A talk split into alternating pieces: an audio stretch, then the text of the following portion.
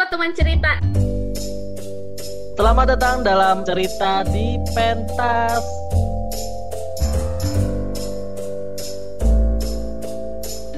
Sudah siap bercerita? Assalamualaikum warahmatullahi wabarakatuh. Waalaikumsalam warahmatullahi wabarakatuh. Halo teman cerita, sudah siap bercerita? Selamat datang dalam episode pertama cerita di pentas. Yeay. Baik, se sebelum lanjut cerita, eh, teman-teman cerita jangan lupa ya untuk tetap menerapkan 3M-nya. Jadi jangan uh, jangan sampai ketinggalan nih, rajin mencuci tangan, tetap menggunakan masker dan menghindari kerumunan. Juga teman cerita kami harapkan tetap waspada ya, utamakan keselamatan selama mendengarkan podcast pentas. Kalau teman cerita lagi beraktivitas uh, yang membutuhkan konsentrasi yang tinggi, kami sarankan mendengar pentasnya di pause dulu dan lanjut mendengarkan ketika nanti punya waktu yang luang. Benar banget, kita nggak akan ke mana-mana nih. Kita akan tetap ada di kanal kesayangan kita semua di YouTube, kemudian podcast di Spotify dan Anchor. Teman cerita juga bisa subscribe ya. Kemudian bisa follow juga di Instagram dan Facebook kami di @pnsceritaintegritas biar nggak ketinggalan tiap episodenya. Nah, Kak Is. Ya. Nah, kita hari ini episode pertama. Jadi episode pertama cerita di pentas. Nah, yes. Boleh tahu nih, sebelum kita ngobrol berarti kalau kalau ada cerita di pentas berarti ada yang mau cerita nih gitu ya. Okay. Sebelum kita mendengarkan cerita-cerita nih, sebenarnya cerita di pentas tuh apa sih Kak gitu? Oke, okay. uh, eh, baik Kak Tony. Masih tentunya masih hmm. dalam euforia kemeriahan Hari Anti Korupsi Sedunia yang kita laksanakan pada Desember Betul. tahun 2020 kemarin walaupun kita nih sedang dibatasi interaksi secara langsungnya karena kita masih dalam pandemi COVID-19, tapi ternyata kita masih bisa merayakan Hari Anti Korupsi itu dengan berbagai kegiatan virtual yang justru semakin membuat kita terkoneksi secara luas nih dengan pegiat-pegiat integritas hmm. yang lainnya. Nah, berkaca dari hal tersebut di tahun 2021 ini Pentas ingin mengajak teman-teman cerita untuk terus membawa semangat Hakordia uh, sesuai dengan tagline kita ya setiap hari hari anti korupsi. Ya. Jadi uh, Pentas mengajak penyuluh dan pegiat anti korupsi uh, juga teman-teman yang hmm. tertarik dengan uh, untuk membagikan cerita integritasnya untuk saling terkoneksi, hmm. saling menginspirasi lebih luas lagi, juga saling berkenalan melalui cerita di pentas seperti itu Kak Tony. Benar. Wah, oke. Okay. Berarti kita berarti lagi mengajak teman-teman uh, yang punya concern uh, di isu-isu integritas maupun anti korupsi untuk berbagi cerita. Berarti ada yang mau cerita nih pada iya. kali ini, Kak Is ya?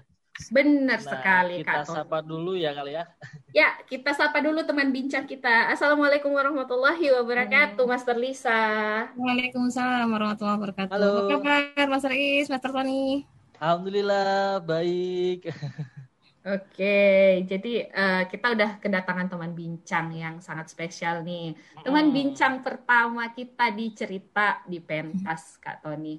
Nah, uh, langsung ya. aja ya panggung kita serahkan ke hmm. Master Lisa untuk memperkenalkan diri dan giatnya. Gitu. Baik, uh, Perkenalkan, nama saya Lisa Nazifa. Halo semuanya. Ya, biasanya saya memperkenalkan di, uh, memperkenalkan diri itu Lisa dengan S, Nazifa dengan Z gitu. Biasanya orang ketuker. Uh, saya adalah uh, Widya Suara. Saat ini saya Widya Suara di uh, Provinsi DKI Jakarta. Sudah berapa tahun terakhir ya? Sudah lima tahun terakhir ya. Kemudian uh, saya PNS di DKI semenjak 2010. Kemudian sebelumnya, sebelum di DKI saya menjadi dosen, ya dosen selama hampir Eh, enam uh, tahun ya. Jadi dunianya memang uh, lulus kuliah, kemudian berkecimpung di dosen, baru kemudian bergabung di PNS. Oke, jadi PNS terus ngajar ya, ngajar juga. Jadi emang ya. hobinya ngajar juga ya, Mas? Mungkin bukan cuma uh, apa ada ada ada karena keturunan juga kali ya, bapak ibu suka ngajar uh, dulu, nenek juga okay. ngajar, gitu. jadi mungkin bakatnya ke situ kali. Oke, wow. Jadi memang dunianya hmm. sudah dunia berbagi nih. Uh, uh, kita panggilnya master nih, Kak Tony. Kalau uh, kalau nyadar nih teman yeah. cerita dari tadi. Jadi kalau udah ada kata master, tentunya udah tahu dong master. Master Lisa ini adalah seorang penyuluh anti korupsi tersertifikasi. Benar Betul. begitu, Master Lisa? Ya. Uh, betul, saya penyuluh anti korupsi tersertifikasi ya, walaupun pada awalnya mengikuti penyuluh juga belum tahu ya ini fungsinya apa sih penyuluh anti korupsi gitu. uh, tapi memang lebih kepada kesadaran ingin meningkatkan uh, pengetahuan tentang anti korupsi ya. Karena bergabung di Widya Suara tahun 2016, kemudian langsung memilih uh, mata pelatihan anti korupsi saat itu ya, padahal belum mengikuti uh, belum mengikuti spesifik tentang anti korupsi gitu. Jadi memang hanya uh, based on knowledge management aja dari teman-teman di Suara. Kemudian tahun 2008, 2017 ada eh 2018 ya, oke. 2018 ada uh, eh, RPL ya dari KPK. Jadi penyuluh anti korupsi itu ada dua hmm. jalur ya. Ada yang jalur diklat, kemudian ada yang jalur uh, eh, RPL. RPL itu rekognisi masa lampau atau uh, pembelajaran lalu gitu ya kalau nggak salah rekognisi pembelajaran hmm, lalu benar. Ya, ya. Hmm, oke okay. kira seperti itu jadi 2017 ikut itu ya ternyata anti korupsi hmm. juga ini ya apa namanya menarik sekali untuk diikuti gitu ya uh, karena background yeah. saya di S1 dan S2 juga bukan tentang hukum bukan tentang ekonomi bukan tentang sosial jadi pure science gitu masuk ke Widya Suara ngambil anti korupsi jadi memang saya butuh eh, hal-hal uh, yang kaitannya dengan eh, materi-materi uh, aturan-aturan yang terkait dengan itu ya. Walaupun okay. sebelum di Widya Suara saya eh, enam tahun kan di PNS ya, jadi mungkin sudah tahu apa sih dikali hmm. di birokrasi gitu ya, sehingga uh, memicu juga uh, saya harus tahu gitu. Jadi jadi PNS itu bukan cuma me, bukan cuma melaksanakan tugas, tapi tahu aturan-aturannya gitu kan. Menarik nih uh, kata Master okay. Lisa tadi uh, beliau tidak hmm. tidak berasal dari uh, latar belakang hukum gitu ya. Hmm. Jadi uh, banyak teman cerita yang terjebak uh, asumsi bahwa kalau ngomongin soal anti korupsi itu ngomongin soal hukum ternyata nggak gitu-gitu juga banget Betul. ternyata ya kemudian eh, enam uh, tahun menjadi PNS kemudian uh, tahu birokrasi seperti apa kayaknya uh, hal ini ya yang akan diceritakan oleh Master Lisa gitu ya tentang uh, hmm. menyik bagaimana menyikapi gratifikasi dan suap gitu yeah. sebagai ASN menarik sekali topiknya gitu ya Kak. Tony gimana Kak Tony? Hmm. boleh boleh boleh. Ini mungkin uh, Master Lisa yang mungkin uh, udah 10 tahun ya Master Lisa untuk uh, berkecimpung di PNS nih. Tahun ini berarti masuk ke 11 tahun ke 11 wah mantap oh ya masuk ke 11 iya. Nah ini dan, udah lumayan banyak ya pengalaman dan sempat juga menduduki pe, uh, jabatan struktural ya jadi hmm. uh, kemungkinan ada ya ada pengalaman yang bisa mungkin Master Lisa ceritakan di kesempatan kali ini. Iya. Monggo Master Lisa. Iya baik uh, terima kasih. Mungkin ini jejaknya kalau mau cerita dari dosen dulu gitu ya karena dosen juga kan erat kaitannya dengan gratifikasi. Jadi saat jadi dosen Bener. sih sebenarnya lebih kepada kita suka suka share aja sama dosen gitu ya eh, sama sama dosen. Oh setelah uh, skripsi ada yang ngasih ini ada yang ngasih itu gitu ya. Tapi kemudian oh, saya kok nggak pernah ada yang ngasih gitu ya. Ada rasa kecemburuan gitu ya ada rasa iri. Saat itu kan belum tahu apa apa ya masih tahun 2000 uh, 2005 2006 gitu. Kemudian beralih uh, tahun by tahun uh, tahun demi tahun masuk ke 2010 masuk ke PNS yang masih jadi staff. Nah di situ saya sudah mulai melihat oh ternyata ada ya uh, yang namanya misalnya uh, eh, SPJ SPJ yang dibuat tidak sesuai dengan uh, apa namanya realitanya gitu ya. Ada saja lah mungkin yang uh, harusnya misalnya ada ada bimtek yang dilakukan tiga hari tapi dibikinnya tujuh hari misalnya ya. Kemudian seperti itulah ada yang misalnya daftar absen nggak uh, hadir tapi disuruh disuruh ikut uh, disuruh tanda tangan aja gitu kan itu kan menurut saya ini sebenarnya boleh nggak sih nggak apa-apa gitu cuma sekedar melengkapi dokumen tapi kan sebenarnya uh, apa ya ada rasa nggak serak di hati gitu ya itu masih staff ya di 2010 sampai 2014 ya. Nah, masuk dari 2015 ini yang menarik uh. karena uh, saya masuk ke suatu badan baru yang mengurus perizinan ya. Tadinya itu kan di Jakarta perizinan ada di masing-masing dinas teknis ya kemudian diambil dari mm-hmm. dinas teknis itu ke dalam satu badan yang khusus ngurusin uh, apa namanya yang khusus ngurusin perizinan gitu ya. Nah ini kan di situ sebenarnya ada uh, kayak shifting paradigma ya, maksudnya ada perubahan paradigma di mana orang-orang tertentu misalnya dulunya yang namanya uh, bikin izin itu ya ke dinas gitu ya, mungkin ya bawa upeti lah, bawa suap lah, bawa istilahnya kedekatan lah, kolusi, nepotisme lah, tiba-tiba masuklah tuh badan baru tahun 2014 dibentuk yang pure gitu ya, benar-benar ngurusin perizinan gitu kan ini sesuatu yang menarik ya menurut saya. Tapi tantangannya ya kita harus uh, apa ya di situ karena badannya baru kita harus benar-benar menerapkan integritas ya dalam artian yang biasanya mungkin uh, pakai calo yang biasanya kenal-kenal nepotisme gitu ya sekarang nggak ada lagi gitu. kemudian uh, di depan kita sudah bilang misalnya uh, standar pelayanannya sudah jelas, kemudian transparansinya sudah hmm. jelas gitu ya.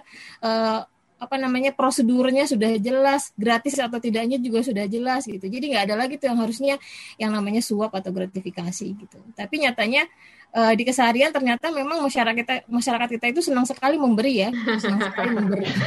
Tapi dalam artian uh, uh, saat kita memberi rasa ikhlas itu nggak mudah muncul gitu. Jadi nggak ada yang namanya pemberian itu yang tidak ada tujuannya, apalagi kepada penyelenggara okay. negara.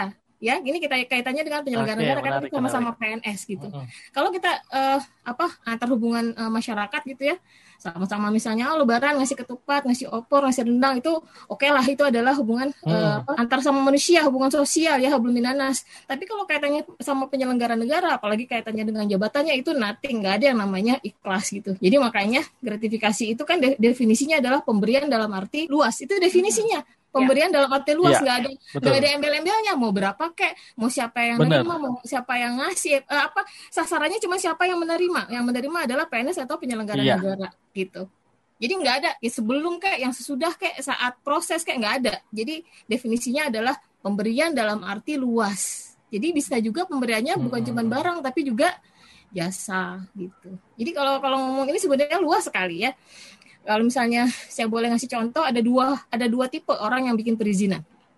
Ya maksudnya dua hmm. tipe dalam arti dua dua tipe penyel, uh, penyelenggaraan waktu saya menjabat menjabat di kepala sisi mohon maaf ini pengalamannya juga nggak nggak nggak lama ya karena ternyata memang nggak berjodoh dengan struktural gitu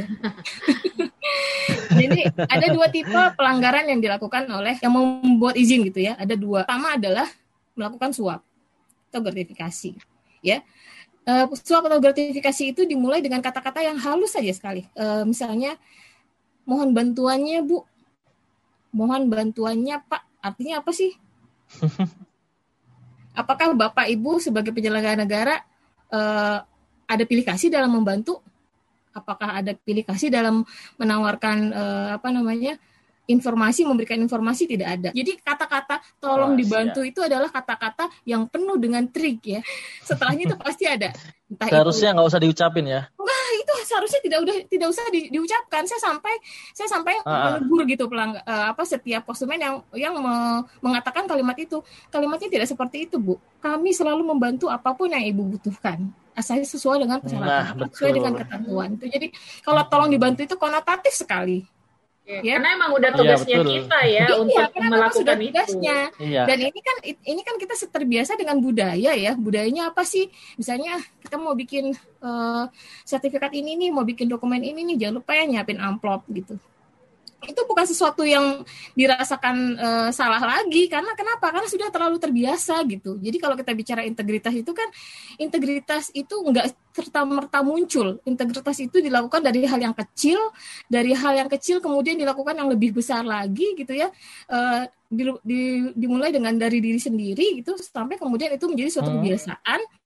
Diri kita, kemudian kebiasaan itu dirasakan oleh lingkungan. Jadi akhirnya integritas itu menular kepada lingkungannya kan gitu ya. Integritas itu ada ada lingkup-lingkupnya, ada diri sendiri, ada lingkungan, ada kemudian masyarakat sampai kemudian negara gitu. Mm -hmm. Jadi kalau kita bicara uh, korupsi adalah extraordinary crime, ya integritas juga harus extraordinary menerapkannya gitu. Jadi kalau Betul. hal simpel sesimpel kalimat saya minta tolong gitu ya, tolong ya Bu, itu harus dirubah gitu. Bu, saya mau mengajukan izin, ini adalah dokumen saya. Gitu udah cukup aja, nggak usah pakai tolong nggak tolong.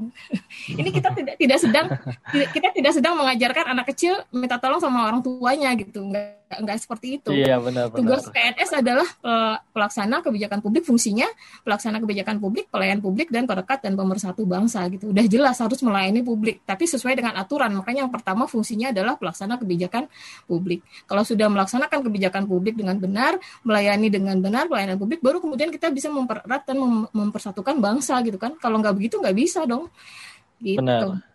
Jadi kesimpel itu sebenarnya. Sorry jangan muter-muter ya. Yang pertama tadi ada yang uh, modelnya gitu, uh, suap ya. Suap dari awal sudah uh, menargetkan, oh ya saya punya amplop sekian nih, ya diberikan kepada uh, loket ya pelayanan atau kemudian bertemu langsung pada penandatangan izin gitu ya. Kemudian yang kedua, ada model yang ikutin aja semua syaratnya sampai selesai tanpa ada suap, tanpa ada uh, apa namanya kedekatan nepotisme dan lain-lain tapi setelah jadi ya setelah jadi saking senangnya nih jadinya cepet gitu ya karena kita badan baru kan setelah itu iya. ditawarin lah gitu ya saya pernah soalnya waktu itu mengeluarkan izin yang namanya izin usaha salon uh, sorry klinik kecantikan hmm. nah selesai memberikan uh, apa izin usahanya selesai uh, pemilik usahanya langsung balik lagi ke kita uh, bilang bu nanti uh, klinik kita buka jam apa tanggal sekian bawa ya bu. Eh, karyawan-karyawan ibu staff-staffnya staff-staff yang di atas juga yang di lantai atasnya juga boleh silakan gitu. Ya maksudnya kan dia menawarkan itu adalah itu adalah gratis gitu. Nah, uh, dia sudah mengikuti prosedurnya dari awal sampai akhir udah selesai nih nggak ada penyelewengan ya maksudnya nggak ada penyimpangan di situ. Tapi setelah selesai dia merasa harus uh, berbalas jasa.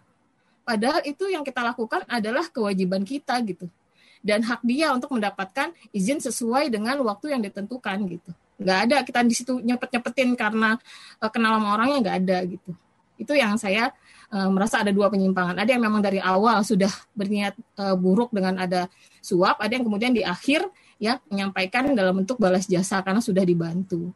Nah ini menurut saya uh, penanaman nilai integritas itu nggak hanya untuk PNS tapi juga untuk masyarakat gitu. Gitu. Jadi ada dua itu tadi. kalau saya udah ketemu dua-duanya gitu. Dan uh, apa namanya itu tantangan bagi pelayan publik yang memang di garda terdepan ya e, hmm.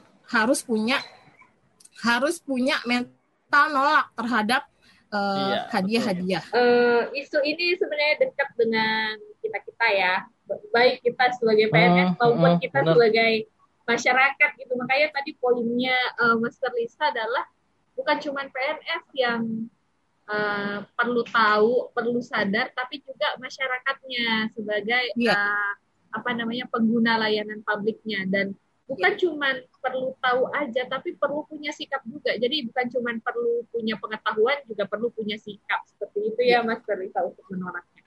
Menarik sekali. Betul. ini tadi juga disampaikan jadi uh, ada dua ini ya, ada dua kasus. Nah, jadi kalau Mas Lisa uh, tadi cerita, jadi ada mm-hmm. ada suap, jadi ada keinginan dari pemberi untuk uh, meloloskan atau meloloskan izinnya tadi ya. Mm-hmm. Itu itu namanya suap. Nah, ada juga uh, uh, Master Lisa nggak meminta, kemudian uh, prosedurnya sudah benar, nggak nggak ada kesalahan apa pun, tapi tetap aja dikasih itu namanya yeah. gratifikasi. Nah, yeah. ini Master Lisa memberikan uh, pengertian dari delik tipikor ini melalui contoh yang dia dihadapi oleh Mas Lisa. Oke, mau tahu lanjutan cerita baiknya? Tunggu di episode berikutnya. Tetap bersama Pentas, PNS Cerita Integritas.